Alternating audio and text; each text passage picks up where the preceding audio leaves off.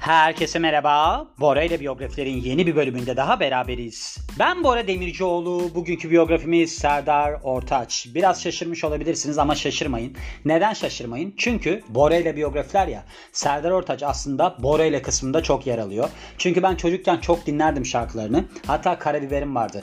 Eğer ki böyle 70 doğumlu, 80 doğumlu filansanız şanslı bir dönemdeydiniz diyebiliriz. Neden? O zamanlarda böyle ikonik klipler falan çıkmıştı. Mesela Serdar Ortaç'ın Karabiberim şarkısı şarkısında böyle göbeğinden zeytin yediği bir kız vardı. Adını da unuttum şimdi. Çok güzel bir kızdı. Ben onu izlerdim. Ondan sonra müziklerini dinlerdim. Annemin bir tane arkadaşı vardı. Daha önceki bölümlerde de bahsetmiştim. Kocası Rax'ta çalışırdı. Rax o zamanlar müzik şirketi. Şimdilerde ev aletleri falan satıyor anlamadığım bir şekilde. Neyse o bize kasetler yollardı. Daha önceden de söylemiştim. Beatles'ın One albümünü falan yollamıştı. Mesela yabancı kaset yollaması büyük bir olaydı. Çünkü yabancı kasetler çok daha pahalıydı yerli kasetlere oranla. Serdar Ortaç'ın işte bu Karabiberim şarkısının olduğu albümü bize yollamıştı. Aşk için albümünü. 94 yılında çıkmış bu arada bu albüm. Neyse ben de bu albümü çok dinliyorum. Acayip seviyorum. Karabiberim filan. Biz o sıralarda annemlerle teyzemlere giderdik her hafta sonunda. Hafta içinde de mesela anneannemde olurduk. Böyle güzel İtalyan ailesi gibiydik yani. O günleri de çok severdim. Ben de hemen giderdim onu takardım müzik setine kaseti ve dinletirdim herkese. Bakın böyle benim kasetim var işte bu şarkı çok popüler filan. Herkes de seviyor zaten dinliyoruz biz. Fakat teyzemlerde müzik çalar vardı. Onun şeyi varmış. Haberim yok benim. Mesela o zamanlarda kaset bittiği zaman duruyordu. Orada böyle tersini tekrar dinleyebilme özelliği varmış. Yani biraz teknolojisi daha ileri filan. Bir de biz onu dinlerken işte ben dikkat etmiyordum. Hani bitti mi bitmedi mi filan diye. Çünkü sonuçta duruyor ya. Ben galiba o kasetin ikinci yüzünü hiç dinlememişim. Ya da öyle bir şey olmuş hatırlamıyorum. Aynı yüzde de olabilir şarkı. Sevişen Dalgalar diye bir şarkısı varmış. Biz dinledik filan. Sonra ben oyuna daldım. Kuzenimle oynuyoruz. Allah sonra Sevişen Dalgalar diye bir şarkı çıktı. Ben nasıl utandım. Öyle bir utandım. Sanarsınız şarkıyı ben yazdım. Öyle bir şey hatırlıyorum mesela Serdar Ortaç'la alakalı. Sonrasında başka bir albümü vardı. Kaç yılındaydı o? Zannedersem Kafayı Takmam Ben Adam Olmam gibi bir şarkı. 96 yılı mıydı neydi? O albümü çıktığında da Bizim bir bakıcımız vardı. Kardeşimin bakıcısı vardı. Neyse bu Ben Adam Olmam şarkısını biz onunla beraber çok dinlerdik. Yani yaşlarımız da çok uzak değildi. Hani 6 yaş falan vardı aramızda fark olarak. Bir de o sıralarda zaten herkes aynı şeyi dinliyor. Kral TV'de bu şarkının çıkmasını biz çok bekliyoruz mesela. Neyse şarkı bir türlü çıkmıyor. Onun da maaşı var. Sonuçta bizde çalışıyor. O da dedi ki bana Bora dedi sen git dedi Serdar Ortaç'ın albümünü al. Bir tane kırtasiye vardı bizim eve yakın. Ben de oraya doğru heyecanla gidiyorum. Bir tane de klibi vardı. Serdar Ortaç'ın o sıralarda işte bir kızla böyle çamurların içinde flört ediyor, öpüşüyor falan gibi şeyler. Ben de zaten ne öpüşme ne bir şey. Öyle bakıyorum yani klibe. Şarkıyı çok seviyordum. Neyse giderken kırtasiyeye şey düşünüyorum. Ya diyorum inşallah albüm bitmemiştir. Bir de öyle bir durum var. Yani paranız da olsa albümü alamıyorsunuz. Ne oluyor? Bitmiş oluyor. Öyle paranızla rezil oluyorsunuz yani. Gittim bir tane kalmış onu aldım. Neyse biz onu dinliyoruz. Şimdi mesela ben o zamanları düşündüğüm zaman hep şeyi hatırlıyorum. Onun aslında böyle işte bir kalmamış olması, ne bileyim şarkıya bir türlü ulaşamama duygusu falan çok insanı heyecanlandırıyordu. Ben mesela Çelik'in şeyini hatırlıyorum ya. Bir yana yana buraları dolaşıyorum diye şarkısı vardı. Onu bütün gün beklediğimi hatırlıyorum. O sıralarda benim dinlediğim zaten birkaç tane popüler sanatçı vardı. Bir tanesi Burak Kut. Yani mesela Burak Kut'un şu anda o kadar popüler olmamasına hayret ediyorum. Burak Kut öyle meşhurdu, öyle meşhurdu ki inanamazsınız. Yani eğer ki 2000'li filansanız doğum tarihi olarak inanamazsınız öyle söyleyeyim size. Bir de şey olmuştu. Şafak Karaman'ın Akşama Doğru diye bir program vardı o sıralarda Kanal 6'da. Mesela Burak Kut'un evine gitmişti. Burak Kut o kadar ünlü ki ben evinin normal bir ev olmasına hayret etmiştim. Demiştim ya şatoda falan oturmuyor mu? Yani nasıl oluyor? O sıralarda galiba Caprisa'nın reklamlarında falan oynuyordu. Böyle bir de fantastik bir şeydi yani reklamda. Çok acayip şaşırmıştım. Mesela onu yadırgadığımı hatırlıyorum. Burak Kut'la alakalı böyle haberler çıkardı işte. Burak Kut mesela klonlandı gibi bir haber hatırlıyorum. Onunla beraber şeyi hatırlıyorum. Mesela Burak Kut'un biraz şöhreti düşmeye başladığı zamanlarda bir park gibi bir yerde konser verecekti. Ve kimse gelmemişti. Ona çok üzülmüştüm. Onu hatırlıyorum. Yani yani böyle hikayelerim var. Şimdi Serdar Ortaç da benim çocukluğumda böyle yeri olan birisi. Ama biliyorsunuz sonra ne oldu? MS hastası oldu. Ben çok üzülmüştüm mesela onu duyduğumda. O sıralarda da bir de insanlar çok acımasız olabiliyor. Onu da gördüm. Mesela morali bozulmuş adamın. Tabii ki öyle bir hastalığa yakalandığı için depresif şeyler paylaşıyordu. Instagram hesabında mı Facebook'ta mı bir yerde paylaşıyordu hatırlamıyorum. İnsanlar da demişti ki bundan prim yapmaya çalışıyor. Ya yani MS hastalığı çok zor bir hastalıktır. Bakın benim çok tanıdığım birisi de yakalandı. Orada oradan biliyorum. MS hastalığı ben normalde antrenör ve beslenme uzmanı olduğum için size açıklayayım. Sinirlerin üzerinde miyelin kılıflar var. Miyelin kılıflara bağışıklık sistemi saldırıyor. Onları yırtmaya başlıyor. Yok etmeye başlıyor.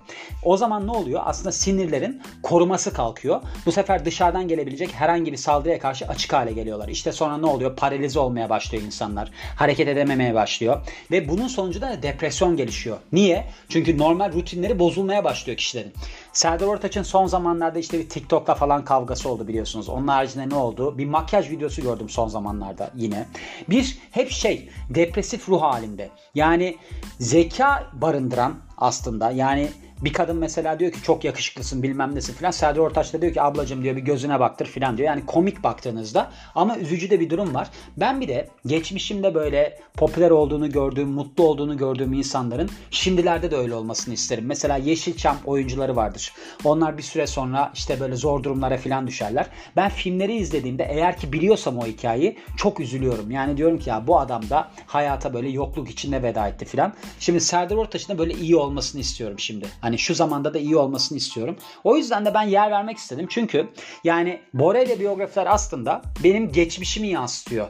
Yani ben çocuk olduğum zamanlarda neler yapıyordum. Hani belki sizin de paralel hikayeleriniz vardır. Çünkü çoğu insan mesela 80 doğumlu, 70 doğumlu insan o dönemleri gördü. Yani Türkçe popun zirve olduğu zamanları gördü. Ben kendim açık söyleyeyim çok şanslı sayıyorum. Neden sayıyorum? Çünkü ben o zamanlarda çocuktum ve Pınar Aylinler, Deniz Arcaklar onların olduğu bir zamanda onların şarkılarıyla büyüdüm ben. Onun için de şimdi daha iyi aktarabiliyorum. Neden? Çünkü yaşanmışlık çok önemlidir diyerek başlıyoruz Serdar Ortaç biyografisine. Genel olarak bakarsak 16 Şubat 1970 doğumlu 53 yaşında şu anda Burcu Kova ve doğum yeri olarak da İstanbul görünüyor. Demin de bahsettiğim için doğum tarihinden bahsetmiyorum tekrar. Şöyle Şimdi iki yerden gideceğim. Bir tanesi Wikipedia, bir tanesi de biyografi info biliyorsunuz oradan gidiyorum zaten. Yalnız şey birazdan aktaracağım size. Wikipedia'da bir giriş bölüm var. O hiç hoşuma gitmedi. Onu aktaracağım. Genel olarak bir hayatının girişini söyleyeyim size. Anne, annesi Nesrin Ortaç, babası Mehmet Ortaç. Bu çiftin ilk oğlu olarak dünyaya geliyor. Üç kardeşler Serdar, Sertaç, Serkan adında. Şöyle yani ben şeye baktım aslında. Eğitimi neymiş diye. İşte ilk başta Haydarpaşa Meslek Lisesi'nde torna tesviye bölümünde liseyi bitiriyor. Ardından da babasının dükkanında çalışmaya başlıyor. Şey diyorlar burada. Şöyle yazmış. Babası küçücük bir dükkanda torna tezgahı olan plastik kalıpçısıydı demiş. Ben Zaga programına çıkmıştı galiba Serdar Ortaç. Orada dinlemiştim. Şey demişti. Bizim durumumuz gayet iyiydi. Benim arabam da vardı. Yani herhangi bir eksiğim falan yoktu. Ama ben o işi devam ettirmek istemedim demişti. Ben de demiştim ki yani torna tezgahından çok böyle zengin mi oluyor falan. Bir akrabamız vardı o sırada biz izlerken. O da şey demişti.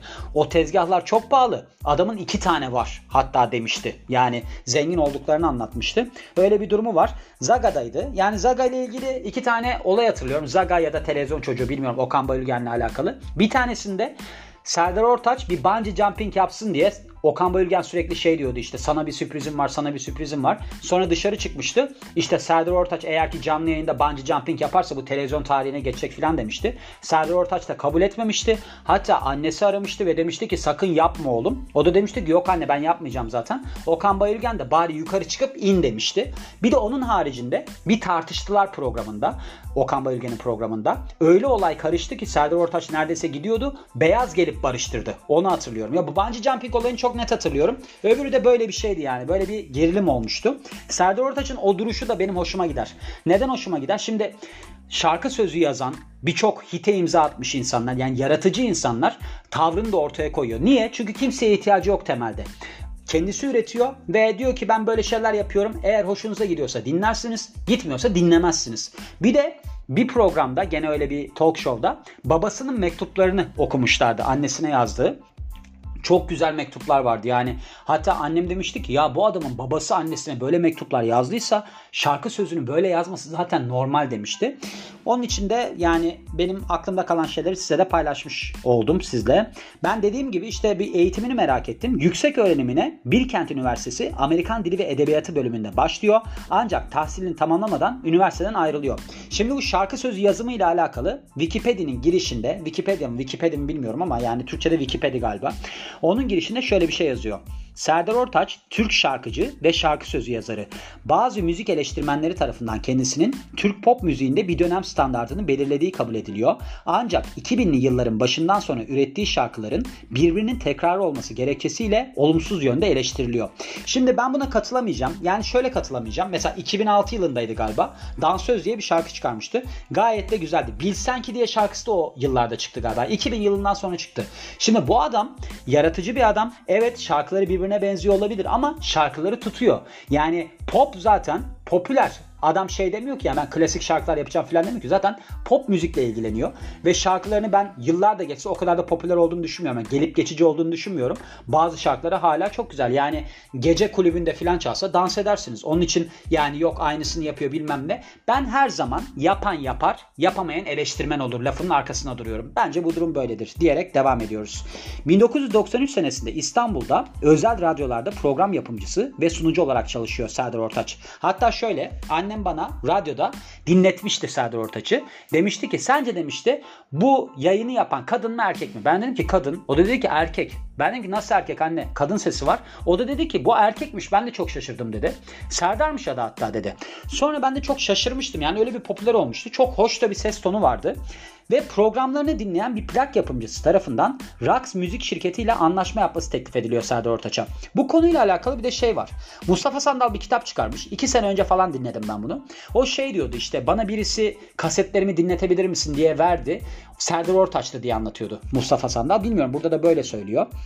Ve aslında o zamana kadar yazdığı şarkılarla bir albüm çıkarıyor Serdar Ortaç. 1994 yılında Aşk için Karabiberim adında.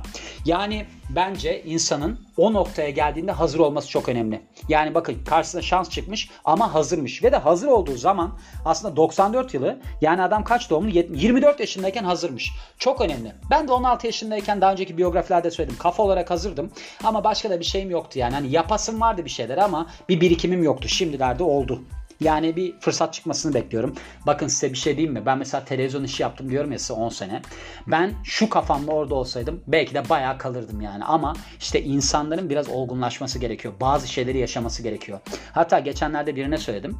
Ben yani insanların şuna artık inanmıyorum. Hani bir şeyleri Warren Buffett'ın lafı var. Bir insanın kendi hatalarından ders çıkarması önemlidir.